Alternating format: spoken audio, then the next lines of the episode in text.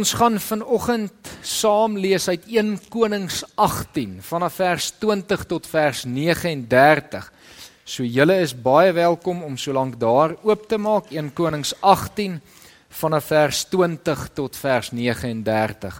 Voor ons gaan saam lees vanoggend, het ek gedink is dalk net nodig dat ek so 'n bietjie agtergrond gee van wat gebeur het tot en met voor waar ons vanoggend gaan lees. Hierdie verhaal wat ons vanoggend lees, vind plaas in die tyd van koning Agab wat wat regeer het oor Israel ongeveer so twee geslagte na koning Salomo. Julle sal weet dat na Salomo daar ongelukkige klomp dinge skeef geloop het in Israel en 'n klomp onstabiliteit teweeggebring het. Uiteindelik was Israel ook verdeel in twee ryke, die die Noordryk en die Suidryk, Israel en Juda. En koning Agab is op hierdie stadium koning van Israel. Sy pa koning Omri het tot 'n mate dit reg gekry om 'n klein bietjie stabiliteit in Israel teweeg te bring, uh die militêre been weer op die been te bring, uh ekonomies weer bietjie stabiliteit te gee en natuurlik die belangrikste ook in terme van hulle geloof. Heel laastens gaan koning Omri, koning Agab se pa. En om net seker te maak Israel is veilig, sluit hy 'n verdrag met die koning van Sidon dat hulle mekaar sal help indien die een aangeval word.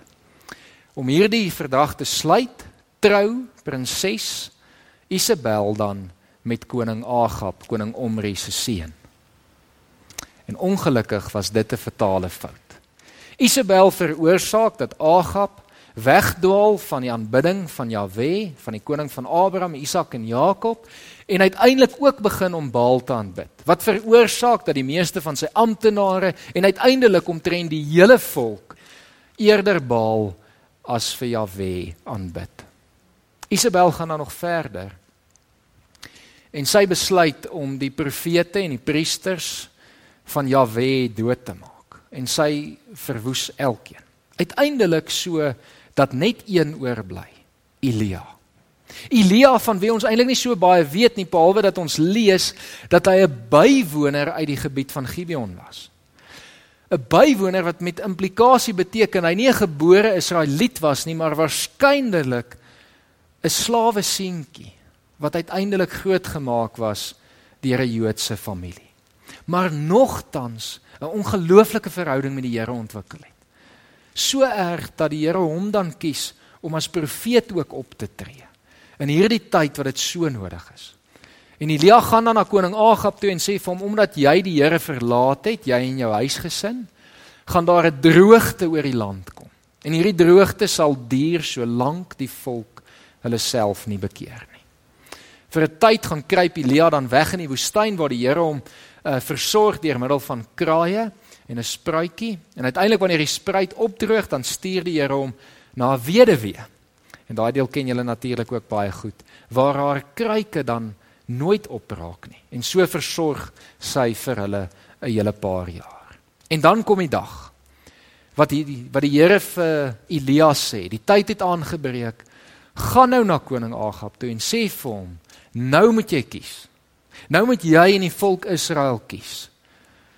En dit moet 'n finale keuse wees. En hy bring dan hierdie boodskap aan koning Agab en hulle reël dan dat almal bymekaar moet kom en dit is waar ons uh vanaf gaan lees vanoggend. 1 Konings 18 vanaf vers 20. Toe stuur Agab die boodskap aan al die Israeliete. Hy het ook die profete, hier is die Baal profete op Karmelberg laat bymekaar kom. Elia het voor die volk gaan staan en gesê: "Hoe lank hou julle aan met hink op twee gedagtes? As die Here God is, volg hom. Maar as dit Baal is, volg hom. Die volk het hom nie 'n woord geantwoord nie. Toe sê Elia vir die volk: Ek alleen het oorgebly as profeet van die Here, maar daar is 450 profete van Baal. Bring nou vir ons twee bulle. Hulle kan vir hulle een bul kies en hom opsny en op die hout uitlê, maar hulle moet dit nie aan die brand steek nie. Ek sal dieselfde doen met die ander bil. Ek sal hom op die hout uitlê, maar dit ook nie aan die brand steek nie. Dan moet julle tot julle God bid en ek sal tot die Here bid. Hy wat met vuur antwoord, is God. Die hele volk het geantwoord: "Dis goed so." Toe sê Elia vir die profete van Baal: "Kies 'n bil en maak julle om eerste gereed, want julle is die meeste. Bid dan tot julle God, maar julle mag nie die vuur aansteek nie." Hulle neem toe die bil wat hy hulle laat kies het en maak hom gereed. Hulle bid toe tot Baal en roep van môre van die môre af tot die middag toe. Baal antwoord ons. Daar was nie 'n geluid van hom af nie. Niemand het geantwoord nie. Hoe hulle ook al vir Baal gedans het by die altaar wat hulle gemaak het. Teen die middag het Elia begin spot. Roep harder. Hy is mos 'n god. Miskien is hy diep in gedagte of gou bietjie uit of op reis of dalk slaap hy en moet hy eers wakker word. Toe roep hulle nog harder en soos altyd kerf hulle hulle stikkend met swaarde en spiese dat die bloed oor hulle loop. Tot die namiddag het hulle aangehou te kere gaan en teen laatmiddag, die tyd vir die aandoffer, was daar nog geen geluid nie. Niemand het geantwoord nie. Daar was geen reaksie nie. Toe sê Elia vir die hele volk: "Kom staan hier by my." En hulle het almal by hom gaan staan. Toe het hy die stikkende altaar van die Here weer reggemaak. Hy het 12 klippe gevat, net soveel as die stamme van die nageslag van Jakob, vir wie die Here gesê het jou naam sal Israel wees. Met die klippe het hy die altaar van die Here reggemaak en 'n behoorlike sloot daar rondom gegrawe. Toe sit hy die hout reg, sny die bil stukkend en lê dit uit op die hout. Toe beveel hy: Maak 4 kruike vol water en gooi dit uit op die brandoffer en op die hout. Daarna sê hy: "Doen dit weer." En hulle het dit nog 'n keer gedoen. Toe sê hy: "Doen dit 'n derde keer." En hulle het weer so gemaak.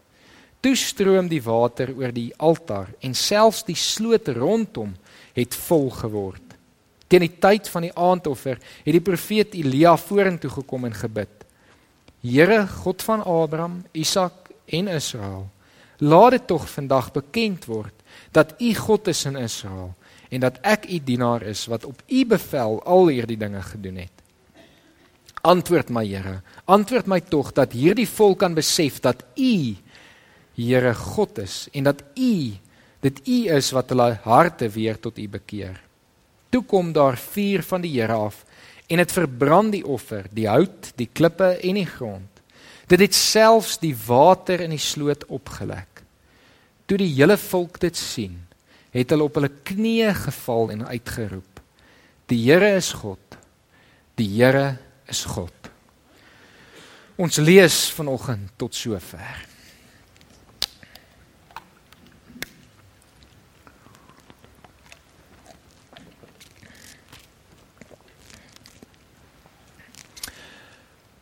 Ons kan maklik vanoggend na 'n verhaal luister en dan dink ons by onsself Hoe dom moes die Israeliete nie gewees het nie. Hoe kan hulle dan nou hulle geloof in Jahwe verruil vir Baal wat maar net 'n beeltjie is? Vir Baal wat tog so duidelik geen mag het nie en net 'n afgod is. Ons kan dit doen, maar wanneer ons dit doen, dan mis ons eintlik die punt van hoekom hierdie verhaal opgeteken is vir ons. Hierdie verhaal is neergeskryf in konings juis om die volk te herinner om nie weer dieselfde fout te maak as wat die volk gemaak het in die tyd van koning Agab nie. En daar moet ons versigtig wees om nie ver oggend ook by onsself te dink maar ons sal mos nooit iets of iemand anders aanbid as die ware God nie. En sodoende in die strikte val om hierdie te ignoreer en uiteindelik dan ons blinde kolle mis te kyk van waar ons eintlik besig is om afgode in ons eie lewens te aanbid. Elia het dit baie duidelik gemaak. Julle kan kies wie gaan julle aanbid? Baal of die God van Abraham, Isak en Jakob? Eh, het jy die skyfie reg vir ons daar? Dankie, jy kan daai enetjie so lank opsit. Hy o, hy kom bietjie sleg, maar dit is die vuur wat daar afkom. Julle sal sien aan die linkerkant dat Baal 'n standbeeld was wat eintlik 'n mengsel van verskillende diere was wat uiteindelik ook die gestalte van 'n mens probeer aanneem het. 'n Bokkop, hande soos mense, uh met nog 'n paar ander dinge by hom. Dis 'n beeld, geen mag. En dan kom Elia en sê: "Kies vandag, gaan julle Baal of gaan julle Jahwe aanbid?" En dan is baie interessant dat die teks vir ons sê die volk het hom nie 'n woord geantwoord nie. Op hierdie stadium is hulle nog heeltemal onseker. Want eintlik weet hulle op hierdie stadium aanbid hulle vir Baal. Maar hulle gaan dit nie vir Elia sê wat as profeet van Jahwe optree nie. Ons val vandag vir presies dieselfde. Ons kan na Baal kyk en sê ons bid nie beeltjies nie. Maar tog doen ons, tog is ons besig om afgode ons lewens te aanbid wat net 'n klein bietjie meer gekamoufleer geraak het as dalk in die tyd van koning Agab. En ek wil hê ons moet vanoggend bietjie hierdie afgode in ons lewens gaan uittrek, uitsoek en dan van ontslaa raak. En ek wil hê vanoggend moet jy soos wat Elia 'n keuse gestel het vir die volk Israel. Vanoggend 'n keuse maak, gaan jy langer afgode aanbid of gaan jy die ware Jesus Christus aanbid? En ons gaan vanoggend begin deur na 'n beeld te kyk. Piet jy kan dalk daai volgende skyfie vir ons opsit. Die beeld is gemaak deur Jani en ek het geen idee om hiervan uit te spreek nie. Lynounen dink ek. 'n Sweedse beeldhouer. Dit het die laaste ruk nogal groot teenkanting en protesaksies veroorsaak omdat dit uitgestal was in die Haifa Museum in Israel. Die beeld is eintlik al so jare wat oud en is reg oor Europa uitgestal. Maar in Israel het dit 'n teenkanting begin kry want mense het gesê dis godslasterlik. Miskien was jou eerste reaksie vanoggend toe jy hom gekyk het of die laaste ruk waar dit ook al op sosiale media aan jou gedeel was dat hierdie beeld totaal en al onaanvaarbaar is. Dit spot mos nou om Ronald McDonald as Jesus Christus wat gekruisig is uit te beeld. Maar dan een stukkie inligting gaan dalk jou opinie verander. En dit is dat Jani wat hierdie beeld gemaak het, 'n Christen is. 'n medegelowige wat hierdie beeld gemaak het om iets uit te beeld van die afgode in ons lewens. En vanoggend is die keuse wat jy moet maak. Piet jy kan daai volgende een vir ons opsit. Gaan jy Mac Jesus soos wat hierdie beeld gedoop is aanbid of gaan jy die ware Jesus Christus aanbid? Wat is die verskil? Mac Jesus is 'n uitbeelding van die McDonald's godsdiens van ons tyd. Waardeur die meeste van ons westerlike samelewing eintlik in vasgevang is. McDonald's godsdiens wat eintlik funksioneer soos enige kitskosrestaurant. Vinnig is die eerste kenmerk daarvan. Ons gaan vinnig kerk toe, ons gaan gou stilte tyd hou, ons moet vinnig bid, ons moet vinnig net gou 'n draaitjie daar gaan maak. Ons gaan vinnig geld gee, nie betrokke raak nie. Ons gaan vinnig net vir die Here vra om 'n oplossing en 'n uitweg vir ons te stuur want ons is nou in die moeilikheid. Ons gaan net vinnig gou-gou 'n paar goed gaan doen. McDonald's godsdiens waar ons besig is om 'n Mac Jesus te aanbid en nie die ware Jesus Christus nie. Die eerste kenmerk daarvan is die spoed daarvan. Om jou laaste klein bietjie ekstra tyd net gou voor ek aan die slaap raak, daarom 'n gebed te doen. Net vinnig dalk 'n versie te lees. Dis 'n kenmerk van 'n McDonald's godsdiens.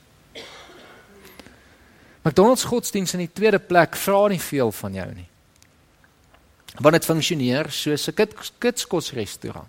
Jy kan sommer net draai vroeg en kry wat jy nodig het, kry wat jy soek want dit gaan mos oor jou.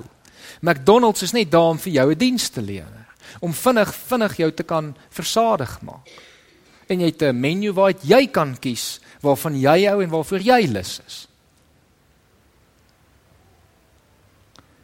McDonald's godsdiens wat niks van jou vra behalwe dalk jou geld nie.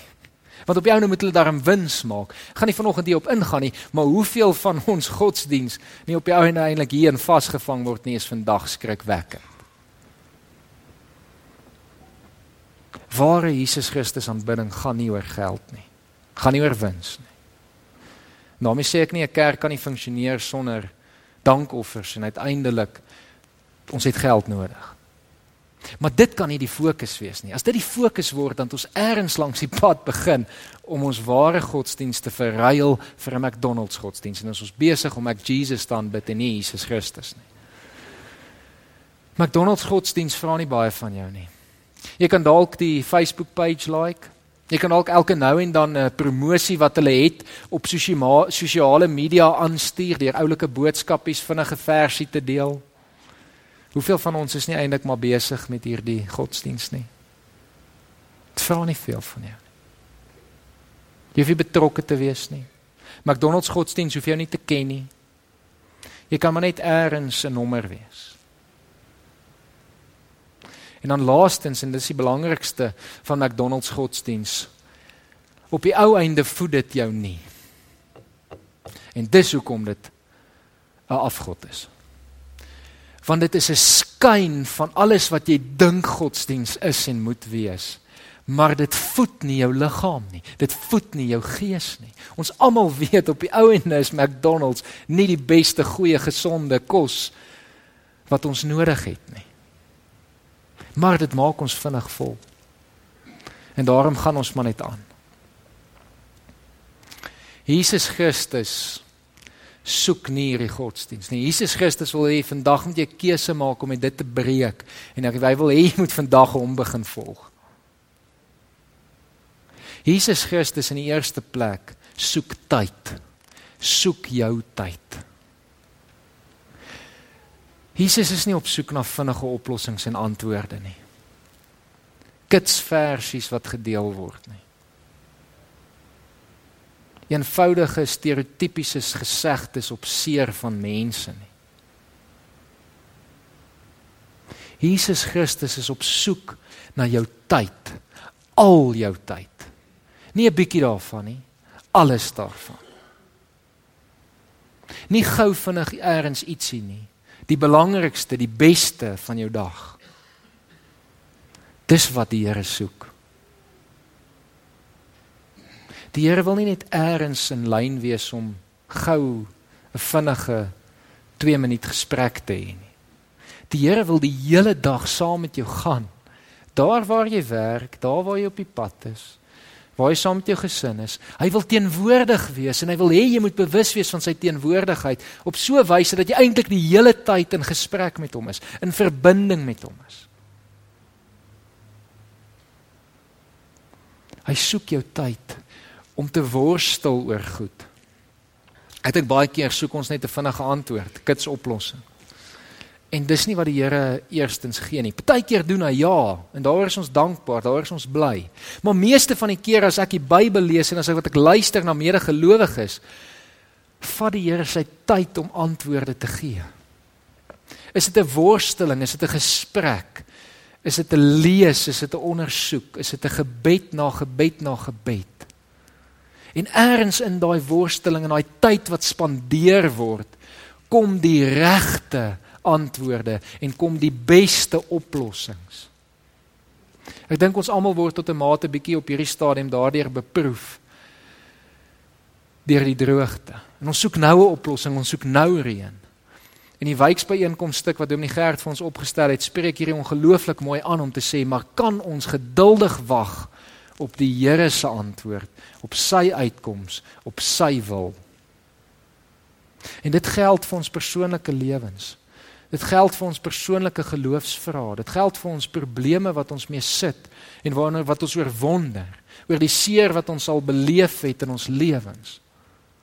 Die Here is nie stil nie. Hy dis nie dat hy nie 'n antwoord wil gee nie, maar hy soek tyd om saam met jou spandeer om uiteindelik vir jou 'n goeie, 'n ware, 'n regte antwoord te gee en nie net 'n versie wat iemand vir jou aanstuur nie. Daarmee sê ek nie versies kan ook goed wees nie. Dit kan. En op die regte tyd is dit sinvol.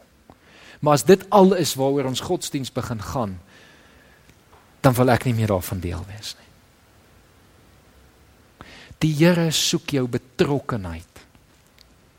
Hy soek jou tyd, maar hy soek jou betrokkenheid ook. Die Here wil nie vir jou 'n kitskos ete gee, 'n hamburger vinnig hier sy reg nie. Die Here wil vir jou 'n maaltyd gee wat jou gaan voed.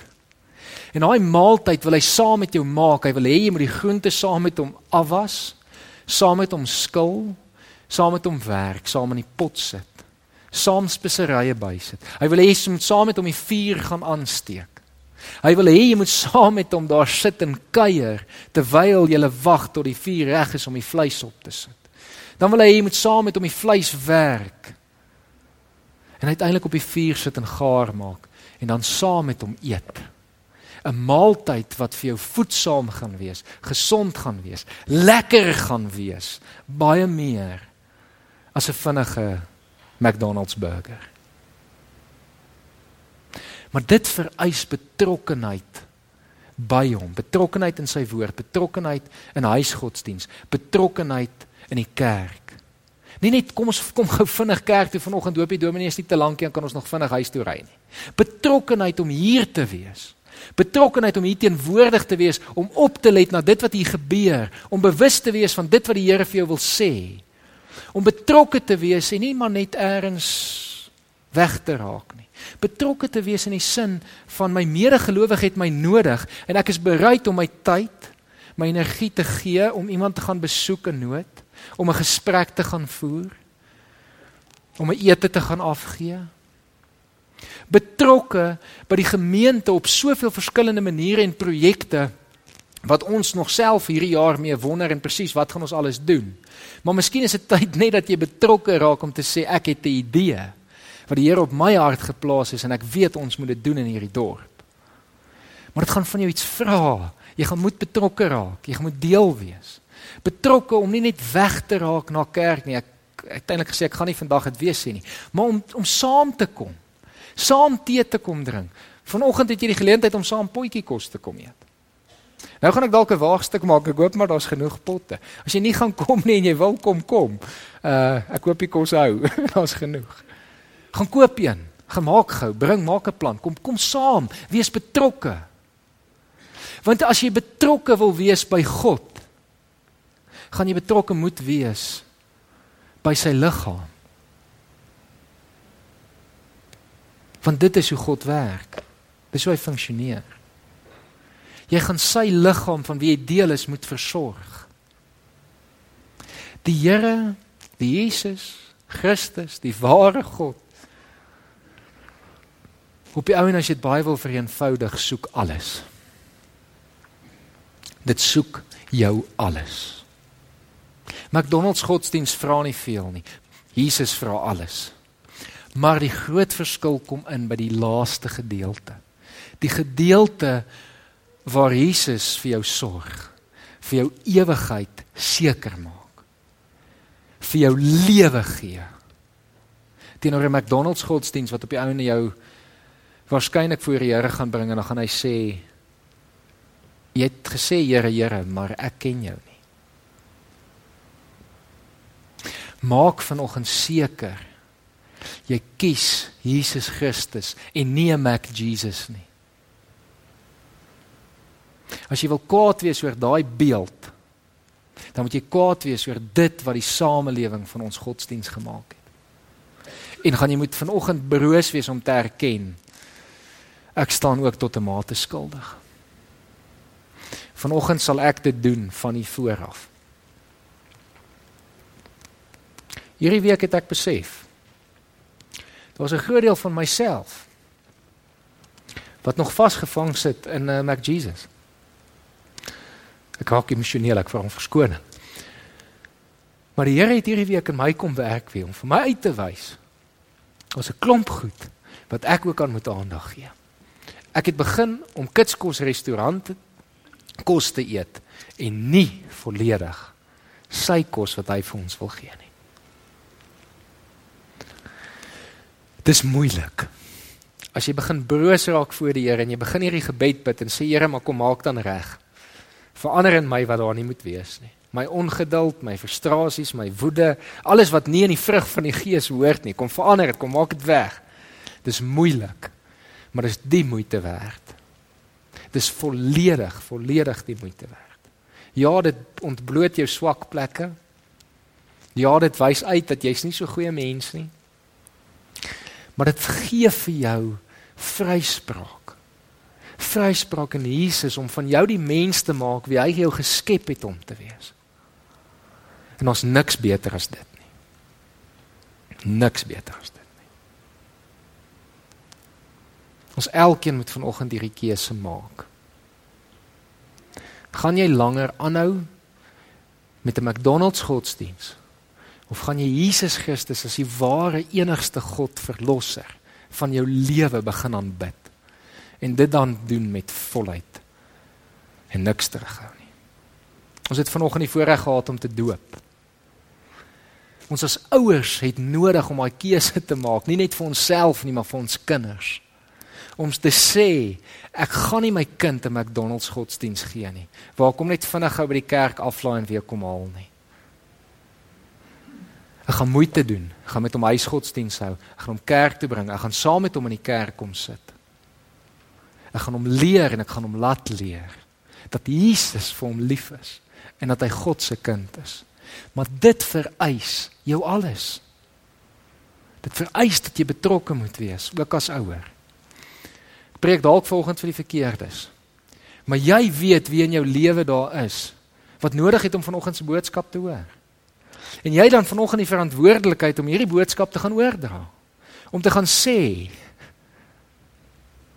Is dit nie dalk tyd dat ons verandering moet aanbring nie? Dalk is dit nodig dat jy as oupa of ouma ingryp in jou kleinkinders se lewens en sê As my kind dan nie verantwoordelikheid gaan neem nie, gaan ek die verantwoordelikheid neem. En ek sal weer die paadjie stap. Ek sal hom kerk toe bring. Daar's mense met wonderlike getuies wat van 'n oupa en 'n ouma wat hulle eintlik geleer het van wie God is. Vanoggend kan ons baie lank aangaan oor die praktiese implikasies hiervan. Maar die beginpunt is dat jy moet sê as Jesus die ware God is, volg hom. As dit nie is nie, loop vandag weg en moenie skuldig voel. Maar as dit hy is, laat toe dat dit jou hele lewe verander. Ek gaan afsluit deur vir ons net terug te keer vinnig na hierdie verhaal van Baal teenoor Jahwe. Waar die volk getwyfel het en uiteindelik wanneer hulle sien dat God antwoord, dan gebeur die volgende toe die volk dit sien, het hulle op hulle knieë geval en uitgeroep: Die Here is God. Die Here is God. Dis 'n reaksie wat ons nodig het om vanoggend te maak.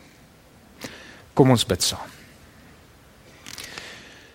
Here, dankie dat ons vanoggend hier kan wees.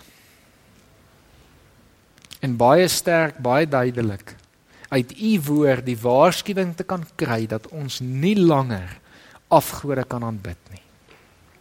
Dat ons nie langer ons godsdiens, die ware godsdiens, ons geloof in u kan verruil vir 'n kitskos godsdiens nie. Here ons staan vandag en ons is skuldig. Maar Here ons weet u spreek ons vry. Here ons is vandag hier en ons wil die keuse maak en ons wil opgewonde wees dat U opnuut weer vir ons nuwe lewe gaan gee. Dat U deur die Gees in ons gaan werk. Dat U ons gaan help om ontslae te raak van die dinge wat nie in ons lewens hoort nie.